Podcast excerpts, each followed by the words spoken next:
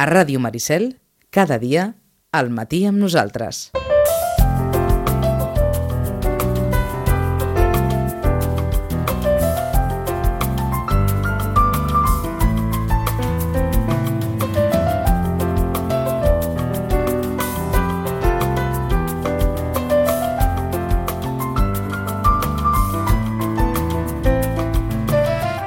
com cada 15 dies amb la, amb la Marta Sánchez, aquí saludem. Bon dia, Marta. Bon dia. Uh, una agenda, jo, doncs, dedicada a Nadal, no? Sí, ja aquesta setmaneta ja, Uh -huh. ja tanquem any, diguéssim, Uh -huh. i res, carregar piles pel, pel 2019. Pel 2019. De fet, d'entrada, eh, podem recordar els horaris, eh, que seran uns horaris eh, doncs especials per, doncs per adaptar-se a les necessitats de, d'aquests dies de, de festes de, del personal i també de que doncs, les biblioteques puguin estar obertes. Doncs sí, llavors eh, recordem a la Biblioteca Santiago Rossinyol en l'horari d'obertura habitual, menys estarà tancada del dissabte 22 fins al 26 de desembre, per tant el 27 i 28 estarà oberta i es torna a tancar del dissabte 29 de desembre al dia 1 de gener, el dia 2 tornem a obrir. Correcte? I a la Biblioteca Josep Roig i Reventós estarà tancada en tot aquest període, del dissabte 22 fins al 6 de gener. D'acord, és a dir, la Biblioteca Josep Roig i Reventós estarà tancada durant les dues setmanes de les festes nadalenques i eh, doncs, qui tingui alguna necessitat doncs, eh, tindrà la majoria de dies oberta Exacte. en horari normal eh, la Santiago Rossinyol exceptuant doncs, allò el dia de la nit de Nadal i el dia, de tre el dia 31 que són sí, els dies com a extra més... seria, a part dels festius festius, no? 25 i 26 i 31, no, i 1, I u, tindríem els dissabtes, 22 i 29, i això, les dues I, vigílies, el i els- 24 i el, el 24 i el 31. 31. Perfecte. Exacte. Doncs eh, recordat això, comencem amb l'agenda. Comencem amb l'agenda i també voldria fer esment que ahir vam anar amb el grup del Liceu VIP al Liceu, a veure l'Italiana d'Algeri. Va anar molt bé, tothom que va assistir amb un grup de 23 persones, estem molt contents, per la primera vegada d'organitzar una cosa així, no? aquesta sortida del Liceu, Sí. aconseguir un grup de 23 persones, doncs està molt bé. I bueno, els comentaris que vam rebre després durant l'obra va agradar molt, era una obra divertida, Sí. ben riure, molt de color, amb uns decorats molt macos i per tant ha sigut una molt bona experiència que esperem repetir la temporada que ve. D'acord. Doncs eh, a partir d'aquesta experiència, de moment no hi ha, no hi ha planificada no? una nova No, activitat? en, el que hi ha és cada més o menys cada dos mesos una activitat bimensual. Sí que tot el grup que es va apuntar en aquesta activitat, en aquest club d'òpera, el Liceu VIP, sí que seguirem tenint activitats però a la biblioteca. Com a sortida del Liceu només és aquesta, una per temporada. D'acord, perfecte. Doncs... I seguim amb l'agenda. Doncs, mm, avui, sense anar més lluny, avui dimarts a les dos quarts de sis tenim un nou Bibliolab, juguem amb les il·lusions òptiques. Com que és una activitat que calia inscripció prèvia, l'hem anat explicant aquests dies, però en tot cas avui és el dia en què es fa el Bibliolab. Si algú encara que no s'hagi apuntat li ve de gust venir, doncs també serà benvingut. És una activitat, un taller dirigit a nens i nenes de 6 a 10 anys, més Sí. o menys, i tractarà sobre això, sobre les il·lusions òptiques, sobre aquestes joguines òptiques, aparells capaços de crear la il·lusió del moviment a partir de dibuixos estàtics, com es feia abans quasi, quasi de la invenció del cinema, no? que de fet és això, és una eh, imatges estàtiques en moviment, és el cinema, doncs fer aquest tipus de- d'aparell, una senzilla joguina, per veure com funciona així com un tipus de, de, de joguina, no? d'artefacte, ens pot enganyar el cervell i veure que una cosa que no es mou, doncs sí, es mou. Vas a moure's. Doncs Sí. eh, aquests tallers és, la, és el tercer d'aquests És tallers el tercer, que, que es sí, fa, oi? exacte, sí. Uh -huh. I aquest any vam fer això un a l'octubre, un al novembre i aquest, i tots els hem centrat en temes de cinema per, bueno, per la vinculació de, de, de Sitges amb el Festival de Cinema. Uh -huh. I aquest és el tercer, és el que hem dedicat a nens d'una franja d'edat més petita, Sí. i per això és a la tarda i dura una horeta. Els altres que vam fer era per una edat una miqueta de nens més grans, i els fèiem el dissabte al matí, van tenir uh -huh. molt d'èxit, i de fet qui ho ve a fer és, Drac Màgic, van fer-nos també el de stop motion i les monitores que venen són una delícia. O sigui, vam disfrutar molt també gràcies a elles, no? de la manera d'explicar-ho, de connectar amb els nens. D'acord. Doncs eh, encara hi ha la possibilitat d'apuntar-se en, aquest, en aquest taller d'aquesta tarda. Què més? Demà, demà dijous, no demà no, dijous. Dijous, demà dijous, passat. demà passat, dijous 20 de desembre a les 7, presentem una novel·la. Es titula Mar Mormaris i l'autor és Miquel Garriga. Mhm. La presentació també anirà a càrrec del Joanill, eh, cronista oficial de Sitges i col·laborador de l'ECO. Miquel Garriga és auditor de comptes, consultor i diplomat en psicologia aplicada. Ell ha publicat tres llibres d'àmbit professional, no? en l'àmbit en, què es, en què ell es mou, però és un entusiasta de la literatura de ficció i ho és tant que es va apuntar als cursos d'escriptura de l'Ateneu de Barcelona per fer aquest salt, no? de ser lector a, a poder uh -huh. també crear. I es va llançar a escriure fruit això, no? del plaer de fer-ho. El fruit, doncs, és aquesta novel·la, Marmor Maris. Ell, a més a més, és un apassionat de la investigació de la història de l'edat mitjana i, per tant, en aquest llibre ha conjugat les seves dues grans aficions, la literatura amb, la, amb aquesta base històrica. Aquesta novel·la ens situa entre els anys 1270 i 1281. Part de l'acció ens porta a Vilanova i a Ribes i, i com a tema podem dir que s'endinsen els conflictes humans al voltant del poder, tegeix una trama en què els personatges reaccionen a situacions d'injustícia, a les febleses de caràcter, a les implicacions en les relacions personals, però sempre té com a eix vertebrador i com a protagonista el mar Mediterrani. D'acord. Doncs Màrmor Maris, uh -huh. de, de Miquel Garriga. Garriga, exacte. Doncs... A més, a la presentació, a part d'explicar-nos l'argument, o no, no ens uh -huh. explicarà... L'altre dia m'ho deia, no és una presentació de veniu d'hablar de mi libro, uh -huh. sinó que també vol enfocar en explicar el procés de creació d'una novel·la, com ha viscut ell, els seus mètodes d'investigació, no? per anar a l'any 1270, eh, com va començar a escriure, per tant també tindrem oportunitat de, de fer-li preguntes o, o de, de resoldre doncs, curiositats que ens pugui plantejar tota aquesta qüestió qüestió uh -huh. i al final doncs, emportar-nos un exemplar signat per l'autor, que també és una cosa que ens personalitza més aquella presentació i, i després tenir el llibre a casa. Uh -huh. Doncs un llibre que a més a més doncs, va, eh, encara que sigui de ficció, va del territori. Va Exacte, aquí, uh -huh, en part sí. Entre Ribes, Sitges, Vilanova. Uh -huh. El divendres 21, a les uh -huh. 7 de la tarda, Tenim una lectura del poema de Nadal, aquí sí que és una sí. activitat nadalenca al 100%, el poema de Nadal, Josep Maria de Sagarra, i aquesta lectura anirà a càrrec de la gent de Teatre de Sitges amb la direcció de Xavier Canals. I amb alternada, amb lectura de poemes, tindrem cantada de Nadales populars uh -huh. a càrrec del cor dels Amics de l'Orga, dirigit per Francesc Pi. I he de dir que aquesta és una, bueno, una proposta que vam rebre el, molt, molt poc després d'obrir la biblioteca a l'abril i en aquell vaig pensar, uah, d'aquí al Nadal, no, sí, sí, va, fem-ho, però ara jo una cosa lluny. Doncs mira, el divendres ja ho tenim aquí. ah, sí, sí. Propostes de Nadal pensades a l'abril. Sí.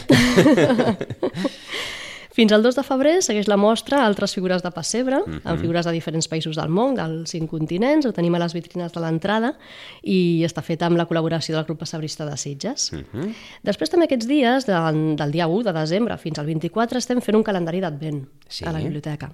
Cada dia s'afegeix un nou llibre en aquest calendari, no? sortint, li posem una etiqueta amb el número que li toca, i són llibres sobre Nadal, aquests llibres que estan a les prestatgeries i que toquen diferents àmbits, diferents temes, però clar, si no surten ara, si, no, si ara no surten de la prestatgeria, que és el seu uh -huh. temps, no sortiran mai.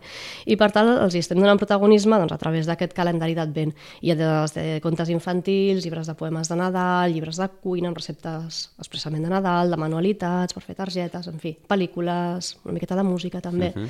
Fet una cosa variada, cada dia anem fent, i aquesta, aquests llibres posem fotografia, la pengem a Instagram i aprofito per recordar l'Instagram de les biblioteques, per si algú doncs, ens vol seguir i està també al corrent de totes aquestes coses que anem fent. És arroba bibliositges. Bibliositges. Uh -huh.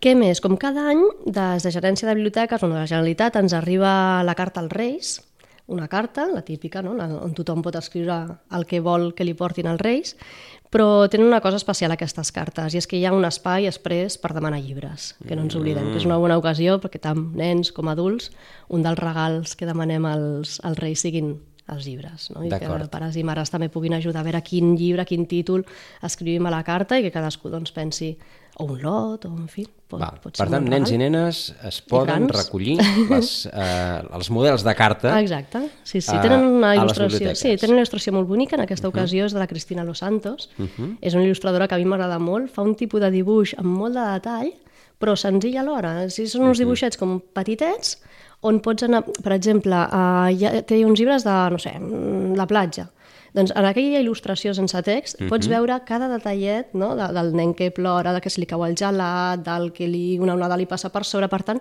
t'entretens molta estona a veure tots aquests detallets en aquests dibuixos. És una il·lustradora uh -huh. molt, m'agrada molt, la Cristina Los Santos, i ha fet una carta molt bonica. Uh -huh. Més coses. Comença l'activitat Puja al tren. No és el primer any que la fem, I la d'enguany doncs, comença ara estarà en bueno, funcionament fins al, fins al maig. Aquesta activitat de foment de la lectura va dirigida a nens i nenes de 9 a 13 anys, més o menys. Si algú de menys vol participar no hi haurà problema, si algú de més també. I com funciona? Doncs mira, heu de venir a la biblioteca i recollir el mapa, el tauler d'informació de, de l'escola infantil, i en tenim el tren amb tots els, els llibres que formen part d'aquesta activitat i cadascú tria el llibre que vol. Cada vagó és una, bueno, correspon a una temàtica diferent, no? una línia de viatge diferent. Tenim la línia vermella amb llibres d'humor, la línia taronja, d'aventures, la verda, llibres sobre, bueno, de, de realitat, no? de la vida quotidiana, línia blava de terror i la línia lila de clàssics. El, es poden anar agafant en l'ordre que es vulgui, canviar de línia al gust del lector i s'han de llegir un mínim de tres llibres. Quan els venen a tornar els hi farem una pregunta per veure que se més que se l'han llegit, que l'han gaudit, que l'han disfrutat, uh -huh. i quan la contestin bé els hi posarem el segell en aquest mapa amb totes les línies, en totes les lectures possibles. Al final de tot farem un sorteig amb un regal, que això serà al maig, quan finalitzi l'activitat, i per tant doncs, tenen temps d'apuntar-se, de venir a buscar el mapa, d'anar llegint, d'aquí fins al mes de maig. Uh -huh. Funcionen aquestes activitats? De... Sí que funcionen. Aquesta és una activitat, a més, que té un plus, uh -huh. i és que va ser el resultat d'una sèrie de reunions i de treball en xarxa amb totes les biblioteques del Penedès i del Garraf, de les, de les companyes i companys que treballen a les sales infantils. Per tant, són professionals que estan acostumats a mm, tractar amb els nens, a veure quin tipus de lectures els agraden, a tenir molt per la mà els llibres nous que arriben, a conèixer molts autors. Tots els llibres aquests estan triats per ells, ens han llegit llegit, per tant, no és que vinguin com a la marató, no? que és una lectura lliure, sinó que aquí els llibres que agafen eh, són una selecció de qualitat, que poden uh -huh. gaudir moltíssim amb la lectura. Eh, funciona molt a nivell de zona, i per això em sembla, si no m'equivoco, és el tercer any, si no m'equivoco, eh, que s'està fent, per tant vol dir que sí que funciona. Uh -huh. I en el cas de Sitges ha anat de, de menys a me, de, de menys a més. Eh? El primer any, doncs clar, aquestes coses a vegades costa, costa. que funcionin, uh -huh. i cada vegada s'hi van apuntant menys nens i nenes. Per tant, sí que estem contents de com funciona. Després, amb els comentaris de pares i mares, és això, no? que de vegades fa falta aquesta empanteta, aquest al·licient, aquesta motivació de venir a la biblioteca, de que li posin el segell, de que li fas un seguiment, doncs tot això sí que ajuda a que no sigui un has de llegir, o llegir és molt important, bueno, doncs a vegades sí que necessiten una miqueta envoltori, una miqueta de recolzament amb aquest tipus d'activitats. Mm -hmm. Doncs uh, tria... Uh, puja el tren, puja perdó, el tren. puja el tren, uh -huh. que això comença al gener. Sí, Sí, sí, començarà, bueno, sí, a partir de fet i fet, sí, serà ara a finals de desembre, al gener, doncs ja, uh mhm. -huh. ja poden venir a buscar. De fet, ja, si volen ja poden venir avui ja mateix, poden. eh? Sí, vale. sí, sí. Uh -huh. I és a les dues biblioteques. I després volíem presentar un, breument una activitat nova, la vam avançar l'altre dia, que serà l'hora del joc. A veure. L'Hora del Joc la fem en col·laboració amb el Dau Ferrat, que és una associació d'aquí de Sitges, d'amants dels jocs de taula, en saben un munt, jocs de taula, uh -huh. rols, afins. Ho sabem perquè, en principi, a veure si sí, comencem oi? un espai fix aquí. Uh -huh, també. Uh, Tenen moltes ganes. Amb ells, sí. uh, per tal de, uh -huh. doncs d'això, de, de, de difondre, de divulgar aquest tipus de, de joc de taula mm -hmm. que, que moltes vegades doncs, mm, queda com, i sobretot ara que tots són maquinetes, doncs Exacte. queda com, com apartat. Sí, sí, tenen moltes ganes de fer coses, col·laboren mm -hmm. amb escoles també, estan fent activitats molt xules. Ens van proposar fer alguna cosa a la biblioteca i de seguida doncs, vam trobar el, el fil conductor. Sí. I llavors, eh, començarem amb fent una, una hora del joc un cop al mes, serà l'últim dissabte de cada mes a les 11, i anirà enfocat per nens i nenes a partir de 3 anys, una miqueta com el públic de l'hora del conte, tenim l'hora del conte i l'hora del joc. La idea és començar amb edats de petits, de 3 a 7 anys, més o menys, i a mesura que, que vagin, bueno, en fi, que l'activitat també es consolidi, doncs poder anar pujant les edats, no?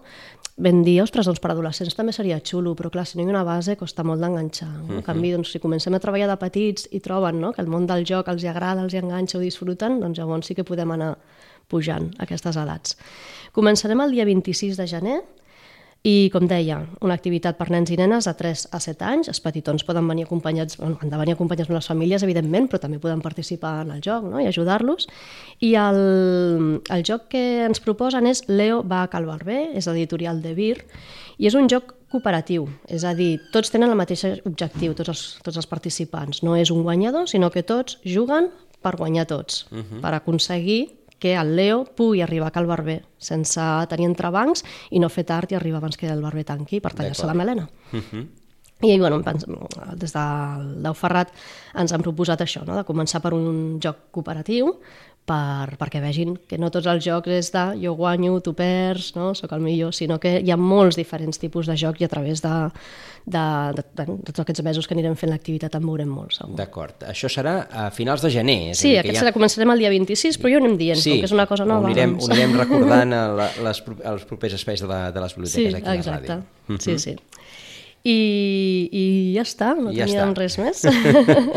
doncs, eh, bàsicament, recordar eh, que en principi, durant totes les festes de Nadal, la, eh, la biblioteca Josep Roig i Ramentós estarà tancada, que hi haurà eh, que la Biblioteca Santiago Rossinyol sí que estarà oberta exceptuant els dos dissabtes i els dos dilluns, que són les Exacte. vigílies de, eh, de les festes, i, i bé, i que passades les festes de Nadal, doncs eh, tornaran les, eh, les activitats habituals. Doncs sí, us esperem a tots. Doncs Marta, moltíssimes gràcies. Gràcies a vosaltres. I, i bones festes de Nadal. Sí, igualment. Fins, fins l'any que ve. Molt bé.